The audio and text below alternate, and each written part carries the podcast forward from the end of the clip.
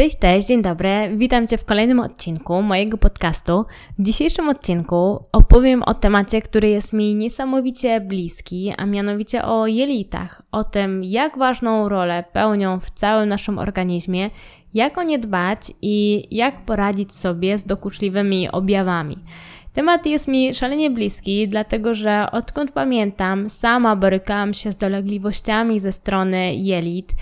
Już jak byłam nastolatką, dokuczały mi takie objawy jak e, zaparcia, wzdęcia czy gazy. E, mimo, że był to raczej krępujący problem, to prawdę mówiąc, nie do końca zdawałam sobie sprawę z tego, że po prostu nie jest to normalne. Kiedy jakiegoś dnia zdecydowałam się udać do specjalisty, dowiedziałam się, że taka moja natura i że to może być na tle emocjonalnym czy na tle stresowym. I na tym temat tak naprawdę się zakończył. E, więc tak wiele lat doskwierały mi różne nieprzyjemne objawy, a ja się do nich po prostu przyzwyczaiłam. I teraz, kiedy odbywam konsultacje z moimi podopiecznymi, bo to właśnie y, dolegliwości jelitowe są właśnie jednym z takich moich e, koników współpracy dietetycznej, często widzę właśnie u moich podopiecznych bardzo, bardzo podobny scenariusz i szczególnie właśnie to, że, że przyzwyczajamy się do tego, że po prostu mamy jakieś e, negatywne objawy, no bo w końcu one już trwają lata i myślę, że tak naprawdę nawet sobie nie wyobrażamy, e, co jest do końca normalne i jak może być inaczej. Chciałabym na wstępie w ogóle opowiedzieć trochę o jelitach, przede wszystkim o tym, dlaczego są one aż tak istotne. Jelita chyba najczęściej kojarzą nam się z jedną bardzo ważną funkcją fizjologiczną, a mianowicie z wypróżnianiem. Ale ich funkcja e, wykracza daleko poza tę czynność. Funkcje jelita są zależne od jego odcinka. Podstawowy podział jelita to podział na jelito cienkie, podzielone kolejno na dwunastnice, jelito czcze i jelito kręte, mm, a następnie jelito grube, na które składa się kątnica, okrężnica i odbytnica. Najważniejsza funkcja naszych jelit to dostarczanie i wchłanianie składników odżywczych z pożywienia. Za tą funkcję głównie odpowiada jelito cienkie. Tam odbywa się zarówno trawienie, jak i wchłanianie składników pokarmowych, wody, elektrolitów, witamin i składników mineralnych. W jelicie grubym natomiast zachodzi reabsorpcja wody oraz elektrolitów, czyli ich ponowne wchłanianie, formowanie kału i usuwanie zbędnych produktów, toksyn czy nawet hormonów, które nie są już użyteczne dla naszego organizmu. Ponadto w jelicie grubym dzięki zasiedlającym je bakteriom zachodzi również produkcja witaminy K oraz niektórych witamin z grupy B. Mm, warto też wspomnieć, że e, w jelitach produkowane są bardzo wartościowe, bardzo ważne dla nas krótkołańcuchowe kwasy tłuszczowe.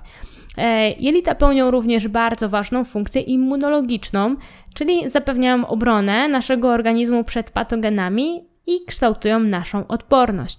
E, przede wszystkim dlatego, że to błony śluzowe przewodu pokarmowego stanowią miejsce kontaktu ze środowiskiem zewnętrznym.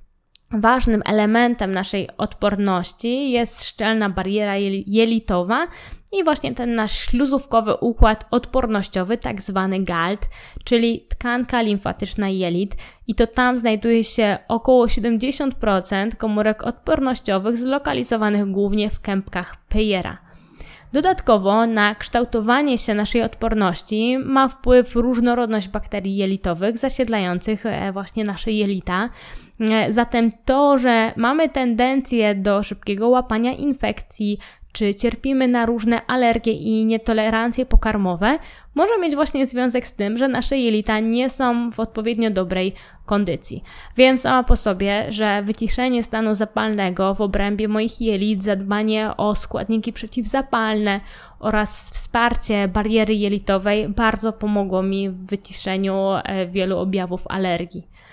Wspomniałam już trochę o bakteriach, które znajdują się w naszych jelitach, i tu warto omówić najważniejsze pojęcia, bo one mogą się przewijać e, wielokrotnie. Jeśli nie w tym odcinku, to na pewno w kolejnych, które również planuję w takiej tematyce e, właśnie e, mikrobioty i jelit.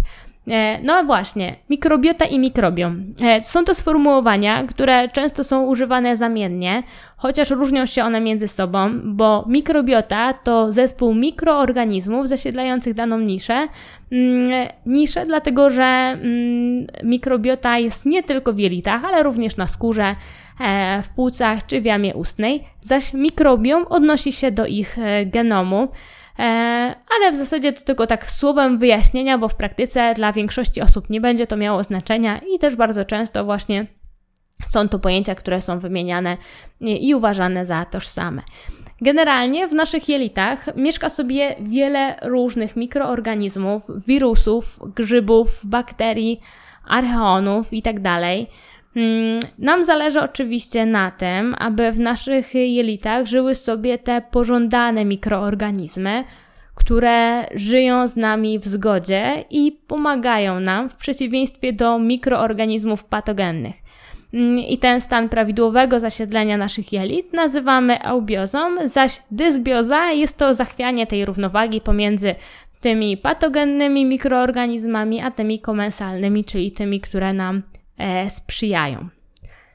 Nasza mikrobiota e, tak naprawdę kształtuje się już w pierwszych dniach życia, a w zasadzie już nawet e, w czasie życia płodowego i porodu, który również ma wpływ na to, w jaki sposób ta mikrobiota będzie się kształtować. Mm, kolejne znaczenie ma również sposób karmienia dziecka, i tutaj z korzyścią dla karmienia naturalnego. E, dalej kształtuje się w kolejnych latach życia, mm, a na to, jak ona się będzie kształtować, ma wpływ przede wszystkim środowisko, w jakim żyjemy. Tak zwana sterylność, posiadanie psa, czy w ogóle posiadanie zwierząt, mm, ale też toksyny i tym podobne a na skład i różnorodność naszych bakterii jelitowych ma wpływ przede wszystkim w dalszym etapie dieta, o której powiem trochę więcej w dalszej części.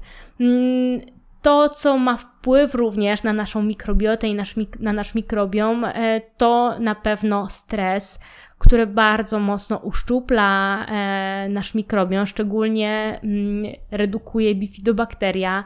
Nie bez znaczenia są również zaburzenia rytmów okołodobowych, czyli zaburzenia snu i czuwania, niedobory ilościowe i jakościowe snu. To wszystko będzie bardzo negatywnie wpływało właśnie na stan naszej mikrobioty. Mm, jednak to, co według mnie też bardzo mocno należy podkreślić, to negatywny wpływ e, leków na nasze jelita. Do tych leków, które szczególnie e, negatywnie oddziałują na nasz mikrobiom, należą przede wszystkim antybiotyki, inhibitory pompy protonowej, czyli leki, które są używane mm, na przykład w, mm, w chorobie wrzodowej żołądka czy w dwunastnicy. To są leki, które zobojętniają kwaśne środowisko żołądka. Przepisywane są też również bardzo często e, na przykład na zgagę. Kolejno negatywny wpływ na nasz mikrobiom ma, mają również e, suplementy żelaza, szczególnie w dużych dawkach, mm, niesteroidowe leki przeciwzapalne, czyli popula popularne leki przeciwbólowe. Mm, e, tutaj warto też wymienić leki e, przeciwdepresyjne, statyny czy antykoncepcja hormonalna. I przyznam, że właśnie kiedy zgłaszają się do mnie podopieczni z różnymi dolegliwościami ze strony jelit czy układu pokarmowego, to właśnie część z nich raportuje bardzo częste przyjmowanie antybiotyków w wieku dziecięcym e, lub przewlekłe stosowanie inhibitorów pompy protonowej czy właśnie e, leków przeciwbólowych.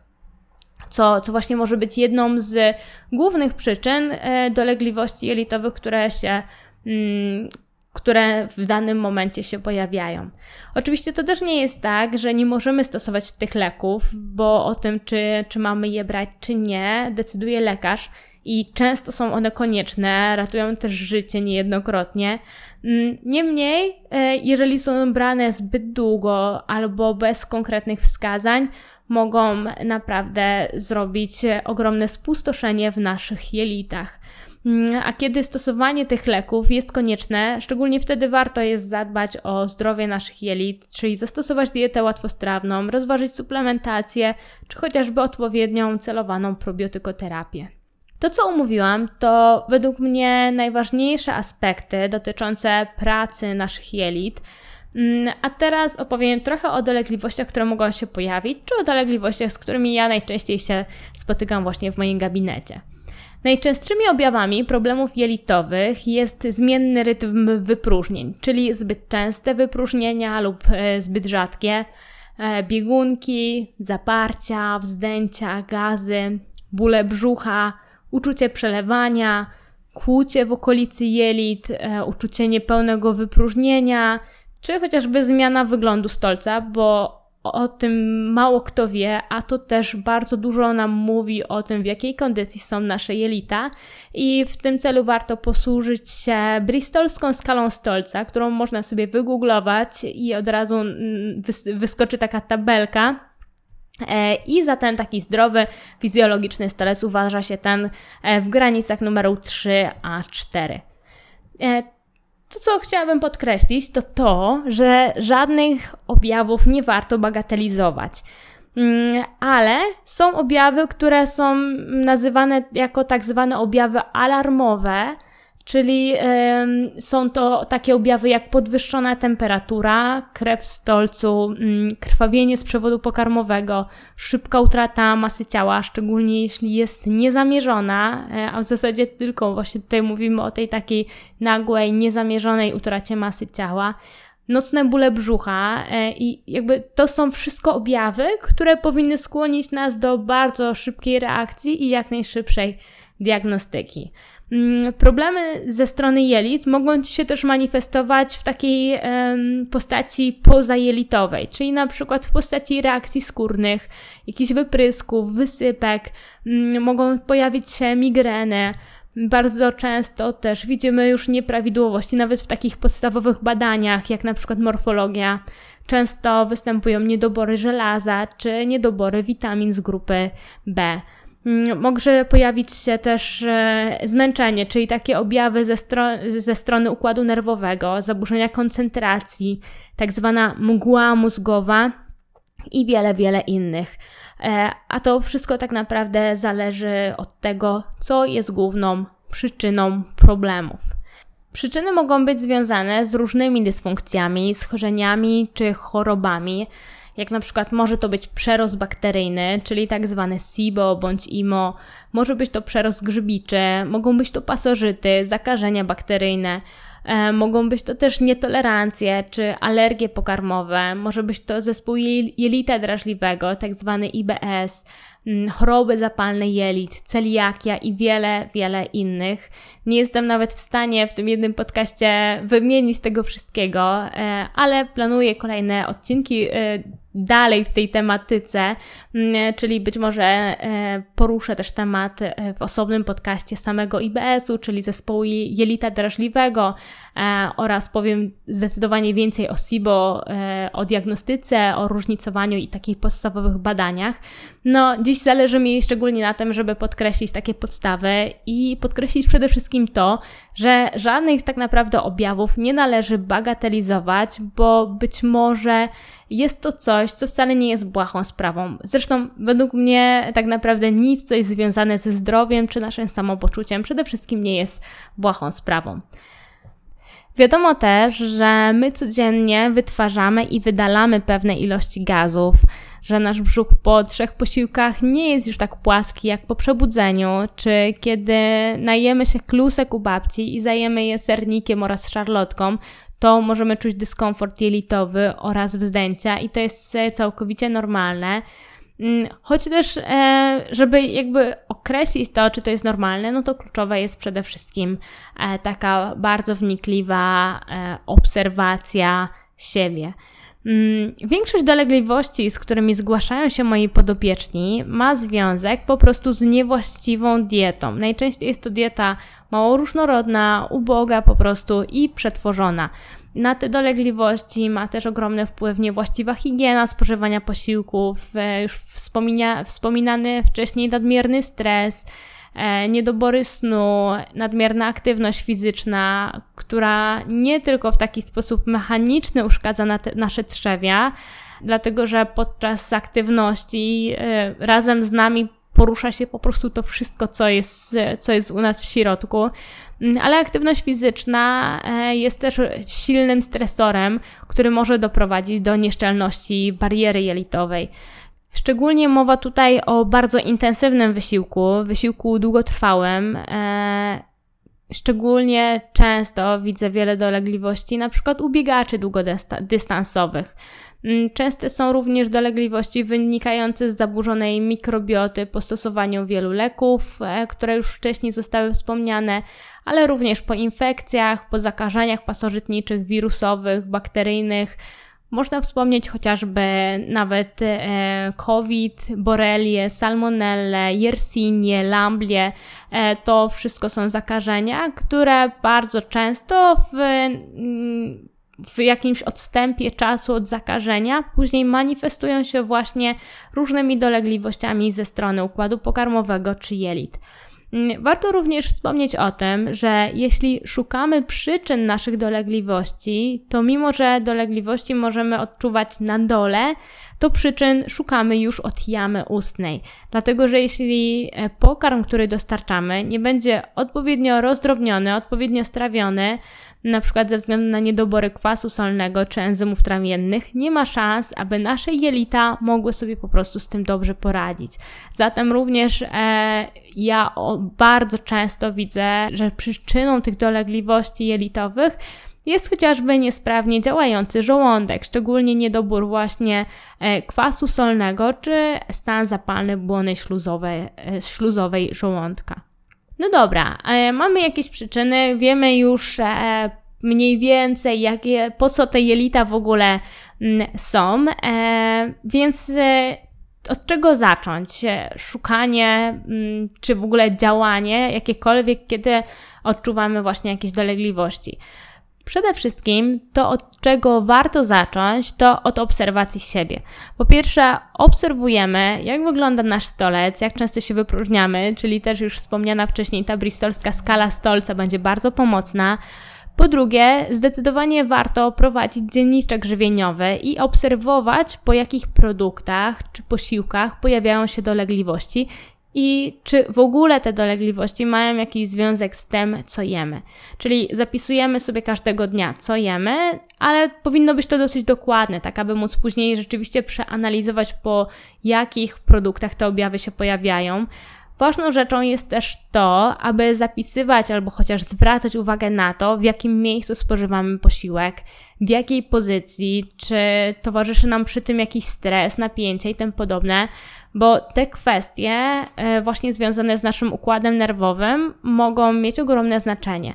Na przykład możesz odczuwać dolegliwości po zjedzeniu sałatki w pracy, kiedy zjesz ją na stojąco w biegu lub w stresie, a jedząc ten sam posiłek w domu możesz czuć się całkowicie dobrze. Zresztą znanym przykładem jest również to, że wiele osób ma problem chociażby z wypróżnieniem się na wyjazdach lub w jakichś nieznanych miejscach, czy nawet będąc w gościach. Właśnie dlatego, że nasz mózg jest połączony e, z jelitami nerwem błędnym i nasz układ nerwowy jest bardzo, ale to bardzo mocno połączony z naszymi trzewiami. Pewnie też już sami e, doświadczyliście nieraz tego, że na przykład podczas stresu bolał Was brzuch, czy chociażby mieliście biegunkę. Bardzo ważne jest też to, aby dostrzegać i zwracać na to uwagę, bo może się okazać, że nasze dolegliwości ze strony układu pokarmowego mają swoje podłoże stricte w kwestiach związanych z naszą psychiką i emocjonalnością. E, czyli rzeczywiście może tak być, że mm, jakieś problemy jelitowe czy problemy e, z żołądkiem są po prostu wynikiem tego, że jesteśmy zestresowani i wówczas tak naprawdę mm, bazą tego, e, nad czym powinniśmy pracować, jest na przykład jakaś współpraca z psychoterapeutą, e, czy praca nad e, odpowiednim radzeniem sobie z emocjami i ze stresem. Mm, warto też zastanowić się, kiedy właśnie te dolegliwości się nasilają i jak długo trwają. Być może nawet możemy je powiązać z jakimś konkretnym czasem czy wydarzeniem w naszym życiu, że na przykład e, dolegliwości pojawiły się powiedzmy po jakiejś traumie czy po jakimś ciężkim e, wydarzeniu, które po prostu bardzo mocno wpłynęło na, na naszą psychikę e, i właśnie to później objawia się w tych dolegliwościach żołądkowo-jelitowych. Więc to jest takie, ta, taka baza, od czego warto zacząć. czyli po prostu obserwować siebie, notować, no i przede wszystkim analizować.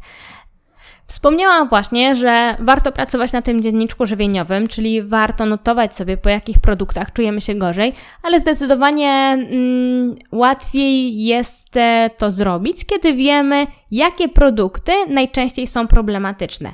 Generalnie tak naprawdę to mm, wszystkie produkty mogą e, powodować u nas e, objawy, bo możemy mieć e, nietolerancję czy alergię praktycznie na wszystkie produkty ale chciałabym jakby zwrócić uwagę na kilka produktów, które ja w swojej praktyce e, najczęściej obserwuję jako właśnie te produkty problematyczne. Po pierwsze, są to alergeny, które oczywiście mogą być albo mm, alergenami, albo produktami, które są, które powodują nietolerancję, tak? Bo alergia e, i nietolerancja to są dwie inne sprawy, ale takie najczęstsze produkty alergenne, czy które są mm, właśnie przyczyną nietolerancji, e, to przede wszystkim soja, e, i produkty sojowe, mleko i jego produkty, owoce morza, ryby, orzechy. Tutaj szczególnie warto wymienić orzeszki ziemne, mm, ale też jaja, szczególnie białko jaja kurzego oraz pszenica.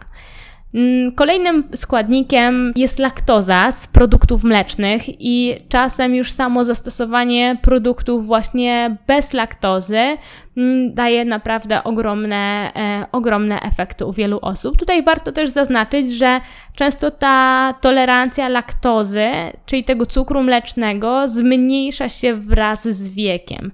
E, więc może być tak, że kiedyś tą laktozę tolerowaliśmy dosyć dobrze i w pewnym momencie po prostu źle albo gorzej po prostu na nią reagujemy. E, warto też zwrócić uwagę na produkty będące źródłem fermentujących węglowodanów, czyli są to produkty e, bogate w tak zwane FODMAPy. E, I do tych FODMAPów możemy zaliczyć na przykład suszone owoce, miód, nasiona roślin strączkowych, warzywa kapustne, cebula, czosnek. Jest to też już wymieniona laktoza, e, ale też słodziki, ksylitol i tym podobne. E, o tej diecie low FODMAP, czy o produktach FODMAP na pewno więcej opowiem właśnie w tym odcinku poświęconym IBS. Warto też zwrócić uwagę na to, jak dobrze tolerujemy błonnik. Dieta bogata w produkty z pełnego ziarna, strączki i dużą ilość produktów roślinnych najczęściej jest bardzo bogata w błonnik. I jest to oczywiście e, dieta bardzo zdrowa. Wiele też mówi się o tym, że dieta wysokobłonnikowa e, działa bardzo pozytywnie na nasz organizm. Natomiast e, no, należy pamiętać, że tolerancja błonnika jest kwestią indywidualną. Mamy też jego różne rodzaje, które też różnie możemy tolerować. Na przykład dla wielu osób zmiana ciemnego pieczywa pełnoziarnistego, który powszechnie jest właśnie uważany za bardzo zdrowy, na chleb pszenny jasny może bardzo pozytywnie wpłynąć na e, obniżenie tych dolegliwości ze strony układu pokarmowego.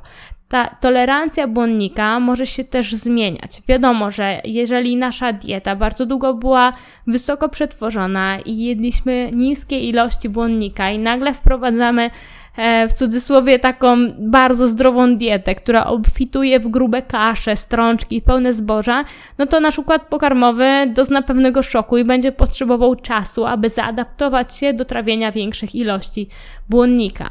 Dlatego warto też e, zwracać na to uwagę i stopniowo wprowadzać jego większe ilości i po prostu obserwować to, jak się czujemy.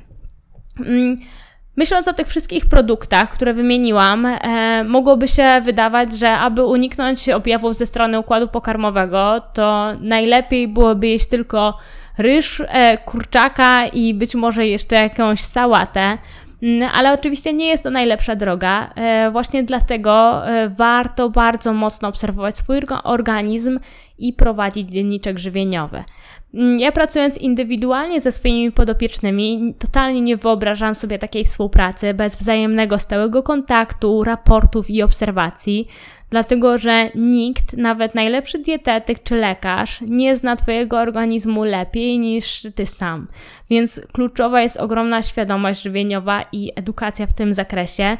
Jest to na pewno wymagający proces ze strony podupiecznego pacjenta, ale naprawdę daje bardzo dobre efekty, aby znaleźć przyczynę i dolegliwości mm, i pozbyć się po prostu tych dolegliwości na stałe, a nie tylko ciągle e, jakby uśmierzać te dolegliwości poprzez jakąś farmakoterapię.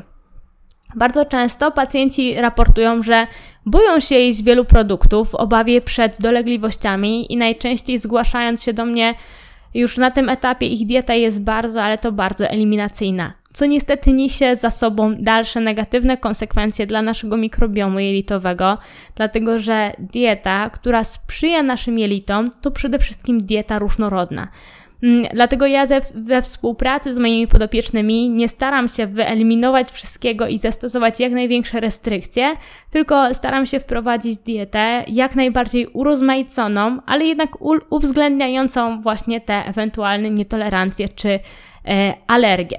No albo ta dieta eliminacyjna jest wprowadzana bardzo krótkotrwale, właśnie po to, żeby mm, wyeliminować te objawy i właśnie po kilku tygodniach tej diety eliminacyjnej możemy stopniowo wprowadzać kolejne produkty, obserwując e, właśnie tolerancję ko, e, poszczególnych produktów, ale też również tolerancję ich ilości, bo może się okazać, że na przykład e, źle reagujemy na powiedzmy E, fasole, jeżeli na przykład zjemy jakiś gulasz z fasoli, ale albo czy tam z ciecierzycy, ale na przykład bardzo dobrze tolerujemy humus, który jest po prostu troszeczkę bardziej przetworzony mm, i już nasz organizm sobie zdecydowanie lepiej z nim radzi. Więc też może być tak, że e, całkiem dobrze będziemy reagować e, na różne produkty, ale w zależności od tego, w jakiej obróbce będą one mm, poddane. W żadnym wypadku nie polecam na własną rękę eliminować wielu grup produktów, dlatego że to zazwyczaj jeszcze bardziej pogłębia dysbiozę jelitową, e, czyli zaburza te, ten, tą naszą różnorodność bakterii jelitowych e, oraz przyczynia się do niedoborów wielu składników odżywczych. Dieta dobra dla naszego y, układu pokarmowego to też dieta łatwostrawna, czyli taka, która nie obciąża naszego żołądka.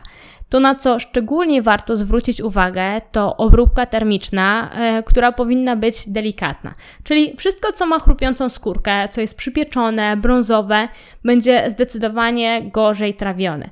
Dlatego warto zadbać o to, aby ograniczyć smażenie, a jeżeli już smażymy, to lepiej smażyć na niewielkiej ilości tłuszczu, czy na przykład mm, na powiedzmy jednej łyżce e, oliwy i nie doprowadzać do zbytniego zrumienienia tych produktów. Aby odciążyć ten układ pokarmowy, warto bazować właśnie na takich produktach gotowanych, gotowanych w wodzie, gotowanych na parze, duszonych czy pieczonych właśnie pod przykryciem. I to tyle, jeżeli chodzi o takie podstawowe kwestie związane z produktami, z dietą czy obróbką termiczną. E, ale zaczęłam w zasadzie od, e, od tych właśnie produktów, natomiast według mnie, mimo wszystko, są jeszcze rzeczy tysiąc razy ważniejsze niż produkty, które mogą przyczyniać się do pojawienia się dolegliwości jelitowych.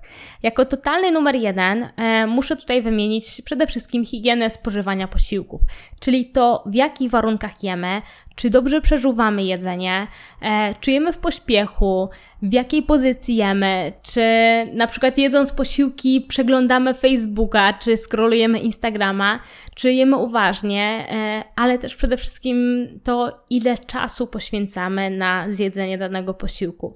Dlatego, że możemy mieć turbozdrową dietę, posiłki przygotowane super lekko strawnie, ale co z tego, e, jeśli ten posiłek e, zjemy w 3 minuty w pośpiechu, scrollując Facebooka e, albo w samochodzie w drodze po, po pracy i praktycznie połykając e, kawałki e, produktów, nie gryząc ich. Mm, I Paradoksalnie, że, jeśli w przeciwieństwie do tej opisanej sytuacji e, zjemy sobie dużego burgera z jakiejś sieciówki, ale zjemy go uważnie, zjemy, je, je, zjemy go wolno i dokładnie przeżuwając każdy kęs, bez stresu, mm, możemy czuć się w zasadzie lepiej po właśnie w taki sposób zjedzonym burgerze, aniżeli po tych e, po, po super zdrowych gotowanych ziemniakach z marchewką i rybą na parze, które zostały po prostu wręcz pochłonięte. I to jest, e, e, i to jest mega ważna rzecz, e, bez której też nie wyobrażam sobie jakichkolwiek postępów czy pracy właśnie z pacjentami z problemami e, ze strony układu pokarmowego. Warto wiedzieć, że trawienie zaczyna się od fazy głowowej, czyli już w momencie, kiedy czujemy zapachy, przygotowujemy się do jedzenia, e, nasz organizm przygotowuje e, enzymy i już mm, przygotowuje całą kaskadę reakcji, które są konieczne do tego, żeby ten posiłek odpowiednio się strawił. I jeśli na tym etapie coś pójdzie nie tak, no to mamy pewne, że da na dalszych etapach też już e, to trawienie nie będzie zachodziło, e, czy, czy, czy również wchłanianie nie będzie zachodziło poprawnie.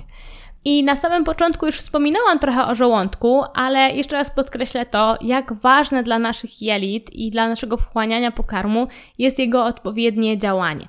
Kwaśne środowisko żołądka ma również za zadanie neutralizację toksyn i bakterii, które spożywamy wraz z pokarmem. Więc jeżeli kwasowość naszego żołądka nie jest odpowiednio niska, bakterie łatwiej będą mogły dostać się do dalszych części układu pokarmowego. Wówczas dojdzie do złego trawienia białek, e, a jeśli one nie będą dobrze strawione, nie będą mogły również zostać odpowiednio wchłonięte. Dlatego również zadbanie o żołądek i dobre trawienie to totalny klucz. Mm, nie mogę nie wspomnieć o przerwach między posiłkami, które powinny wynosić przynajmniej 3 godziny i w tym czasie e, nie powinno się spożywać przekąsek i słodkich napojów. Jest to związane z tym, że mm, około 1,5 godziny po posiłku uaktywnia się tak zwany kompleks MMC, czyli to są takie fale mioelektryczne, mm, które możemy porównać do miotły, która po zjedzeniu e, wymiata resztki pokarmowe z jelita cienkiego do jelita grubego. I tam w jelicie grubym już bakterie mm, dbają o to, żeby odpowiednio przerobić te resztki. Czyli to jest taka, to jest taki kompleks, który dba o porządek w naszych jelitach. Mm, poza tym takim postem, czyli tymi przerwami pomiędzy posiłkami, istotny jest też bardzo post nocny, który super, jeżeli mógłby trwać 12 godzin. I to jest taka dłuższa przerwa od jedzenia, podczas której odbywa się tak zwane sprzątanie generalne, czyli jest to, jest to moment, kiedy e, właśnie nasz układ pokarmowy mm, się regeneruje i totalnie oczyszcza po całym dniu ciężkiej pracy. Zatem podjadanie i jakieś jedzenie co godzinę małych przekąsek nie tylko źle wpływa na naszą masę ciała, ale również bardzo negatywnie wpływa na stan naszych jelit i jakby funkcjonowanie układu pokarmowego. Nie mogłabym też nie wspomnieć o nawodnieniu, dlatego że nasze enzymy i soki trawienne składają się głównie z wody, dlatego bez odpowiedniego nawodnienia nasz układ pokarmowy nie może pracować optymalnie. Kolejne kwestie to jest też aktywność fizyczna, ale taka, która nie powoduje nadmiernego stresu, czyli raczej aktywność umiarkowana, tak? Bo już wcześniej też wspominałam o tym, że ta nadmierna aktywność fizyczna będzie również działała negatywnie na nasze jelita. Istotne jest wysypianie się, odpowiednia regeneracja, unikanie stresu, dbanie o odpowiednie relacje to jest zdecydowanie taka totalna baza, o którą warto zadbać, jeśli, cierpimy na jakieś dolegliwości żołądkowo-jelitowe. E, na koniec chciałam jeszcze wspomnieć o suplementach, ale myślę, że ten temat rozwinę kiedy indziej, mm, bo również jest to kwestia bardzo złożona i indywidualna i dla każdego podopiecznego, w zależności od dolegliwości i ich przyczyn, suplementacja wspierająca będzie się znacznie różnić, ale nie ukrywam, że e, najczęściej, jeżeli już są jakieś dolegliwości, e, no to jakąś tą suplementację wspierającą mm, przynajmniej krótkookresowo się stosuje. E, natomiast e, może wymienię tylko to, co najczęściej, e, po co najczęściej sięgam w swojej praktyce. Mm, no, na pewno są to probiotyki, ale też nie na chybił trafił, tylko celowane pod konkretny problem i też probiotyki dobrej jakości, odpowiednio spożywane. Często też e, polecam kwas masłowy, czy prokinetyki naturalne, jak na przykład iberogast, wsparcie bariery, bariery jelitowej, na przykład poprzez antyoksydanty, kwasy omega-3, cynk, witaminę D, magnez, mm, ale też wsparcie pracy żołądka, czyli e, aloes, e, klej z siemienia lnianego, czy w niektórych przypadkach enzymy trawienne. Mm, myślę, że mogłabym tutaj wymienić jeszcze kilka e, jakby składników, suplementów, które mogłyby mieć zastosowanie w różnych dolegliwościach, natomiast zastosowanie żadnego z tych suplementów totalnie nie będzie miało sensu, jeśli nie zadbamy po pierwsze o styl życia, redukcję stresu, sen i higienę spożywania posiłków, a następnie o zdrową i różnorodną, łatwostrawną dietę. Mam nadzieję, że ten odcinek był dla Ciebie przydatny. Będzie mi bardzo miło, jeśli dasz znać, jak podobał Ci się ten odcinek. A jeśli masz dodatkowe pytania, to śmiało możesz wpisać w wiadomości prywatnej, a ja postaram się na nie odpowiedzieć indywidualnie e, bądź w kolejnych odcinkach podcastów. Dziękuję Ci za wysłuchanie dzisiejszego odcinka i do usłyszenia. Pa!